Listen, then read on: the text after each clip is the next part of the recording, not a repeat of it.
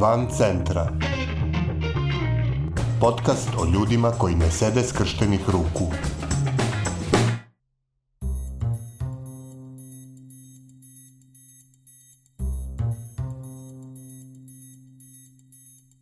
Ovo je 121. epizoda podcasta Van centra, koji prati napore ljudi iz cele Srbije da poboljšaju kvalitet života u svojim sredinama. U ovoj epizodi razgovaramo s Milicom Nikolić, predsjednicom Udruženja za pomoć osobama sa autizmom Bazi Mili iz Lajkovca. O tome kako izgleda odrastanje sa autizmom u Lajkovcu, zbog čega je pre dve godine proglašena za pokretačicu promena i da li je stamena sazdana od kamena. Pa, udruženje Bazi Mili su osnovali roditelji koji imaju decu sa invaliditetom. Glavni inicijator i osnivač sam bila ja, e, moje dete ima autizam i u suštini ja sam rođena i živela sam u Beogradu ceo život i eto pre tri i po godine preselila sam se sa porodicom u Lajkovac. I kad sam se preselila u Lajkovac, to je bio onako šok. I kulturološki šok i, i u svakom smislu šok. Znači u Beogradu smo nešto, ajde da kažem, i imali. Znači moje dete je u redovnom obrazovanju od početka, znači prvo je to bio vrtić, išao u redovan vrtić, imao ličnog pratioca. U trenutku kada smo se doselili u Lajkovac, on je e, bio drugi razred osnovne škole i to isto u Beogradu je krenuo u osnovnu školu redovno imao pratioca. I znači mi se selimo, doseljujemo u Lajkovac gde nema ništa ali bukvalno nema ništa. Znači, nije ni Beograd sjajan, to svi znamo, ima, ima ovaj raznih problema, ali opet postoje mogućnosti za, za decu i roditelje ovako Lajkovac kao malo mesto, znači bukvalno ništa nije imao. I eto tako, između ostalog nisam imala kome ni da se obratim. Mi smo i u, i u Beogradu imali problema pri ostvarivanju različitih prava i usluga, ali opet vi u Beogradu imate neke institucije gde možete da se obratite, gde možete da tražite ili da se žalite ili šta god. U Lajkovcu toga nema. Znači ja roditelje nisam poznavala, ja sam tek došla u Lajkovac, ne poznajem ljude. Tako sam se malo raspitivala, pozvala neke ovaj, roditelje na sastanak i rekao im kako ja želim da osnovim udruženje i da li su oni... To... I eto, to je tako bukvalno krenulo. Krajem septembra 2019. godine. E sad, Bazi Mili, e, je nadimak mog sina. Kad je bio mali, tako smo ga zvali i to prosto, eto tako. to, to je naziv udruženja, da. Kažite nam na početku nešto više o samom autizmu kao poremećaju, budući da tu verovatno postoji dosta predrasuda i pogrešnih shvatanja. Autizam je, ovaj, autizam je specifičan. Mislim, ako ste upoznali jedno dete sa autizmom, vi ste upoznali samo jedno dete sa autizmom. Znači, bukvalno, postoje te neke glavne odlike, ali kod svakog se drugačije manifestuju, tako da su stvarno ovaj, šaroliki. Pa ja mislim prvo što se primećuje kod autizma, eto to je taj izostanak komunikacije, Znači imamo decu i ljude koji su ili sasvim, ili su totalno neverbalni, znači uopšte ne govore, ili, ili govore, ali je ta komunikacija onako oskudna i najčešće je za neke svoje potrebe. Da, ovaj, znači oni ne mogu da, da održe komunikaciju kao ljudi redovnog razvoja, da, da, da to teče. Tako da ta komunikacija je nešto što je specifično. Socijalne veštine to definitivno svakako, znači osoba sa autizmom koliko god da ima godina ili koliko god je da, da je inteligentna, znači vi imate veliki procenat osoba sa autizmom koji su i prosečne inteligencije ili nad, nadprosečne inteligencije, odnosno kognitivno su očuvani, ali bez obzira na sve to, znači taj socijalni aspekt ih ograničava, da oni ne mogu da budu samostalni uh, nikada u životu. Da, senzorne smetnje su isto ovaj, jako česte kod autizma i senzorne smetnje e, stvaraju probleme, onda nastaju ti tantrumi i te neke, neka agresivna i autoagresivna ponašanja i eto, ja mislim da je to ono nešto što je glavno, ali opet svako je za sebe, bukvalno i, i u tom smislu ne bi mogla da objedinim. Koliko sam ja shvatila kako ljudi doživljavaju autizam, prvo to da su agresivni i autoagresivni, to im je negde ono prva asocijacija, a drugo da su totalno zatvoreni, da nemaju osjećanja, da do njih ne može nikako da se dopre i to što mislim, eto, to su neke glavne, ono, da kažem, zablude, mislim, to nije tako. A šta se dešava sa tom decom kad e, napune 18 godina? Pa ne dešava, ne dešava se ništa, znate. I kad su mlađi se oj, malo toga dešava, Nažalost, mnogo toga zavisi od samog roditelja, od, od toga koliko se roditelj angažuje, koliko roditelj ima snage, koliko roditelj ima kapaciteta da nešto izgura. Ali eto da kažem, ajde možda da i postoje neke usluge dok su deca i dok su mlađi. Pa da li je to lični pratilac, da li je specijalna škola, da li je redovna škola, da li je dnevni boravak, ali eto postoje neki izbor. Međutim, kad, kad završe školu, ako su išli u školu, jel, ili kad napune, ja nisam sigurna dnevni boravak do koliko, da li 20 godina, 21 je maksimum, nisam sigurna, možda i nije, možda i 18. Nakon toga baš nema ničega.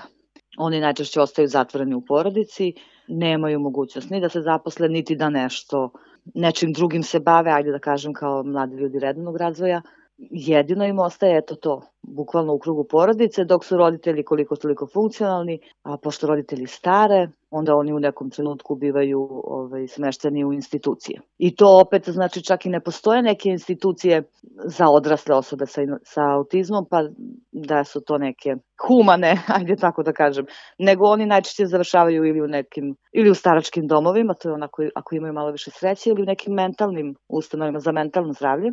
To uslovi su ovaj, katastrofalni Kakva je sredina Lajkovac za odrastanje dece sa autizmom? Rekli ste šta nema, a kakav je odnos sredine? Lajkovac je malo mesto, zaista malo mesto i onako, slobodno mogu da kažem, većinom je ruralno, tako da mislim da predrasuda ima svuda, ali eto u manjim mestima to je onako baš e, istaknuto. I vi u Lajkovcu ne možete, nemate ni stručnjake čak zaposlene. Vi nemate nigde zaposlenog defektologa gde biste mogli da vodite dete na neke tretmane a onda nemate ni specijalnu školu ili dnevni boravak ili znači ništa tog tipa nema. Tako da roditelji u suštini e, decu odvoze u druge gradove. Znači, ako ide u specijalnu školu, onda najčešće ide, ne znam, na UB, ako ide u dnevni boravak, onda najčešće idu u Lazarevac, tako da su definitivno nevidljivi Znači, deca već u tom nekom uzrastu, kad se kreće u, recimo, osnovnu školu, sedam godina, oni su već izmešteni iz zajednice. Znači, oni već idu u neki drugi grad, u neko tu bliže mesto. Okolina, mislim da nije dovoljno senzibilisana. I sami roditelji imaju taj neki gard i dalje je negde to sramota. Imati bolesno dete pa se to malo i krije i to. Sredina kao sredina je prilično zatvorena i kruta i slobodno mogu da kažem i što se tiče samih roditelja, a i što se tiče ove, ajde da kažem, uopšte ovako. I institucija i, i sugrađana, jel? A pretpostavljam da su to sve razlozi zbog kojih ste pokrenuli osnivanje inkluzivnog centra u Lajkovcu. E, kako je to teklo, šta nudi taj centar?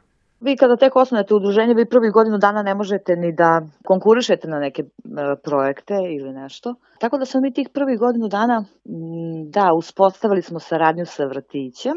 Znači, vrtić nam je ustupio prostorije, pa smo u vrtiću vikendom imali likovne radionice za decu. Odmah smo mi to krenuli inkluzivno, znači i za decu redovnog razvoja i za decu sa smetnjama u razvoju. I onda kreće korona. I onda imamo, mislim, slobodno mogu da kažem, sledeće dve godine taj neki vakum. Ali uglavnom, eto, znači mi smo se tek osnovali, e, gledali smo neki prostor da uzmemo šta ćemo, kako ćemo, za to vreme smo u vrtiću organizovali radionice, imali smo još tako neke aktivnosti, ne znam, školu jahanja za decu, školicu sporta i tako. I uglavnom kreće korona.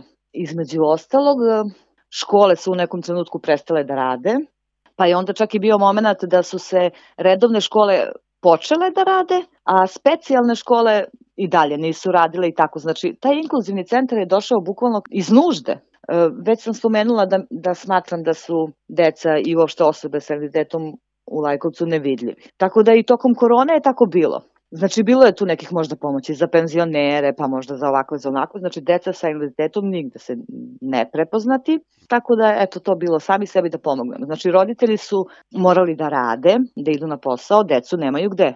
Znači čak i ne, neko ko ima 18-20 godina ne može sam da ostane kući ako je osoba sa invaliditetom. Roditelji su bili uplašeni i porodice ugrožene, jer znači morate da idete na posao, nemate gde dete, ako ne idete na posao dobit ćete otkaz i slično. I eto tako smo mi ovaj, bukvalno iz nužde i bukvalno ono sami sebi da pomognemo osnovali taj inkluzivni centar gde smo nudili mogućnost dnevnog boravka za decu, znači pre podne su mogli da, da dođu tu na ako roditelji moraju na posao, ne, a ne rade škole ili dnevni boravci, znači tu su mogli da dovedu decu. E, imali smo tretmane sa logopedom, defektologom, jedan na jedan i e, pravili smo te inkluzivne radionice. jeste bila korona, jeste bio onako ograničen broj dece, ali mi smo to izgurali ovaj, svakog vikenda smo imali te inkluzivne radionice. I eto, to je tako funkcionisalo dok je trajao projekat. e, znači, onog trenutka kad, kad je prošao projekat, E, ništa, mi smo nastavili da se, da se održavamo, to je da održavamo te radionice e, u inkluzivnom centru uz pomoć donacija. Većinom iz lokalne zajednice, bilo je i sa druge strane, ali većinom su tu bile donacije iz lokalne zajednice i preduzeća iz Lajkovca, eto tako smo nastavili da se, da se održavamo, ali ništa to nije jako i stabilno. Kada prođemo neki projekat, super, imamo da platimo defektologa, imamo da platimo prostor, imamo, možemo nešto da organizujemo, odlično, ovaj, kada prođe projekat ništa mi tako pokušavamo da skupimo neke donacije i eto, to je to. Kako ste se snašli, kako ste se organizovali za prostor? Prostor je opštinski prostor. Mi smo poslali zahtev opštine i tražili da nam ustupe taj prostor. U stvari, prvo smo tražili da nam ustupe na korišćenje, međutim oni to nisu ovaj, rekli su nam da nemaju zakonskog okvira da, da nam daju, da mi to koristimo bez plaćanja.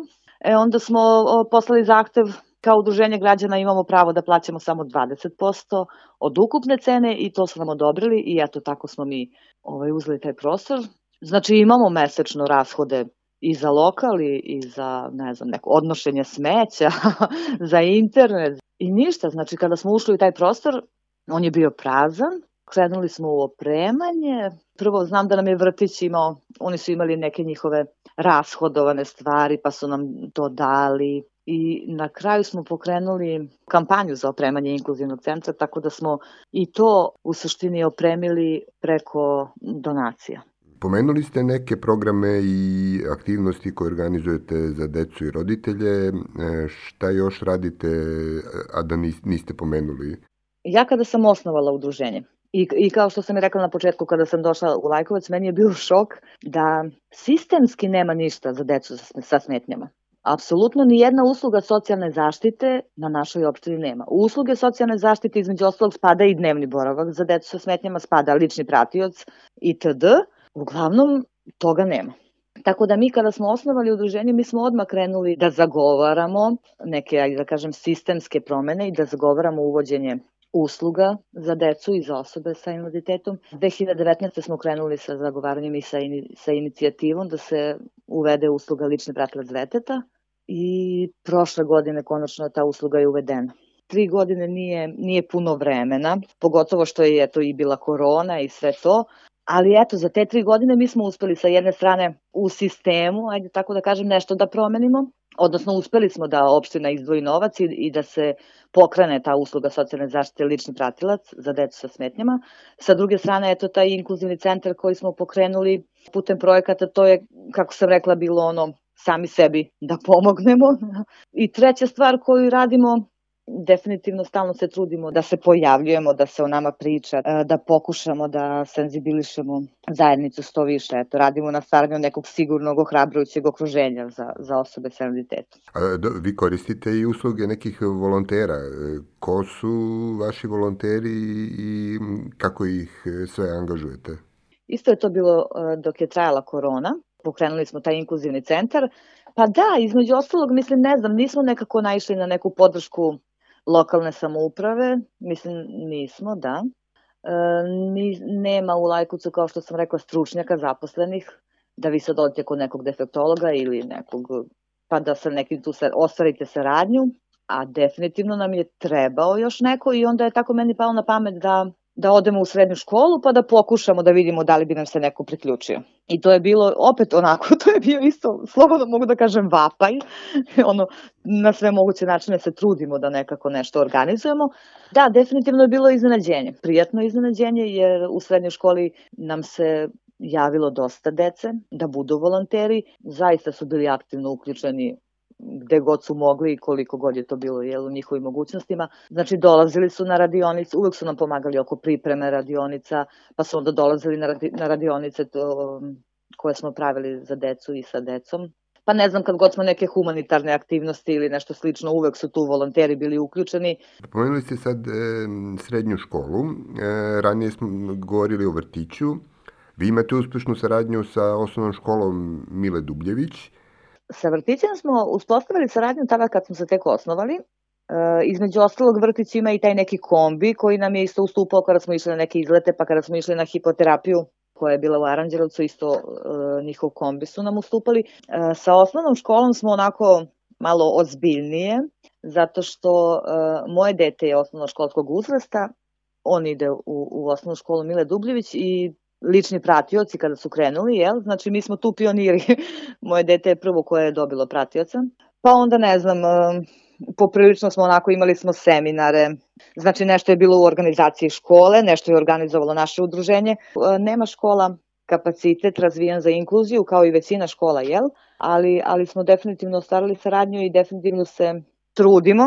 Škola je prihvatila tu uslugu lični pratioc, u smislu da, da i njima treba i da i njima uh, lakše da funkcionišu sa decom sa smetnjama kada postoji lični pratilac. I da, počeli smo uh, da organizujemo seminare i tribine u školi u cilju edukacije zaposlenih u školi. I između ostalog, eto i ove godine škola je zaposlila defektologa, Tako da, pored ono što su već imali zaposlenog logopeda, ped, pedagoga, psihologa, sada, im, sada je zaposlen i olgofrenolog. Šta je to mreža za promenu? To je udruženje žena Kolubarskog okruga. Znači, to je žensko udruženje. Pokrenula se ta mreža, žele, žele da promene određeni tamo član zakona o socijalne zaštite koji se tiče žena. Ostvarila sam dobru saradnju i ja slobodno mogu da kažem da su oni meni mentori. Ali s obzirom da to nema sad veze sa decom sa smetnjama, ja bih pomenula ovu drugu mrežu koju je pokrenula Ana Knežević iz udruženja Evo Ruka. E, znači, taj projekat se zove Stamena nije od kamena i to je e, ideja da se formira mreža žena, odnosno majki koji imaju decu sa smetnjama u razvoju i redkim bolestima. Žene koje, ne znam, imaju decu sa smetnjama u razvoju i sa redkim bolestima nisu prepoznate kao grupa koja je potrebna posebna podrška i dodatna podrška, a definitivno jeste. Jer jako puno majki ovaj, su te koje prestanu da rade i ostaju kući da brinu o članu porodice koji, koji ima invaliditet. Definitivno bih spomenula tu mrežu koja, koja će se sad osnovati jer mislim jako puno kvalitetnih udruženja i, i mnogo dobra energija i verujem da će to biti dobro. Vaše udruženje ne postoji baš dugo, e, ali već ste dobili neke nagrade i priznanja. Jeste, da. To je dobila sam nagradu za pokretačicu promena 2021. godine, pa baš zbog, baš zbog tog inkluzivnog centra, jer te godine uh, usluga lični pratilac koju smo zagovarali još od 2019. Znači, konačno je 2021. uvedena u Lajkovcu, a isto tako te godine smo i tokom korone pokrenuli taj inkluzivni centar. To je bio razlog da zbog kojeg smo nagrađeni, da. U suštini kako pojedinac, e, ako se pokrene, može nešto da uradi i nešto da promeni. Da. Šta vam je bilo najteže u dosadašnjem radu, a šta je išlo možda lakše nego što ste mislili na početku? taj deo mi najteže pada kada moramo nešto da zagovaramo, e, nešto što se tiče prava naše dece, a predstavnici javnih vlasti nemaju razumevanja za to i onda svi ti njihovi procesi traju poprilično dugo, znači godinu, dve, tri, dok se neka usluga pokrene. Tako da to zna da bude jako iscrpljujuće i emotivno mene prilično pogađa kao majku koja ima dete sa invaliditetom. Ono što me je što me je prijatno iznenadilo to su definitivno ti volonteri, odnosno ti mladi ljudi koji su nam se priključili. To nisam očekivala, da. I baš u pravom trenutku, ono, u, u toku korone i svega toga gde smo svi bili onako izbunjeni i ovaj, svakako smo se osjećali. Ovaj, oni su nam baš onako uneli neku pozitivnu energiju i, i ovaj, vetar u leđa da, da preguramo taj period. Da čujemo za kraj e, šta planirate za ovu godinu. Pa sad, to, sad može ta stamena koju sam spomenula, jer to nam je, ovaj, meni lično je to ono baš super, jedva čekam da se pokrene ta mreža i mislim da ćemo mnogo toga uspeti da uradimo. A ono prvo sad što, evo što bi ja spomenula, što nam sad dolazi u aprilu, znači mi smo trenutno u u organizaciji e, manifestacije Plavi dani. Znači 2. april se obeležava kao svetski dan osoba sa autizmom i ovaj mi smo odlučili da to ovaj, povežemo, da napravimo celu jednu manifestaciju koja će trajati 7 dana, od 1. do 7. aprila, ovde u Lajkovcu. U, u okviru te manifestacije organizovat ćemo stručne seminare, imaćemo interaktivnu tribinu sa našim eminentnim stručnjakom iz oblasti defektologije, e, imaćemo različita dešavanja, ključno to neko dešavanje će biti 2. aprila, kada ćemo na trgu u Lajkovcu ovaj, organizovati muzički program koji, i imat ćemo likovnu koloniju koja će biti na otvorenom.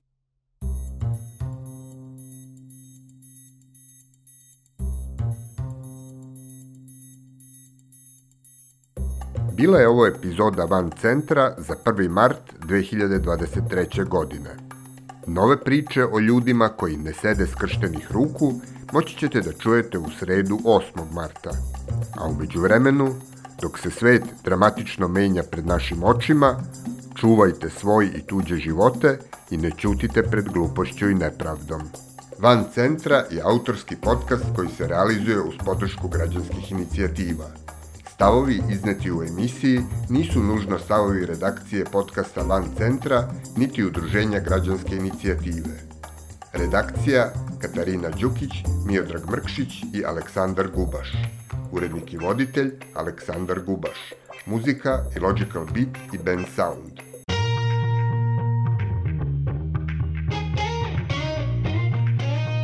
Van centra. Podcast o ljudima koji ne sede skrštenih ruku.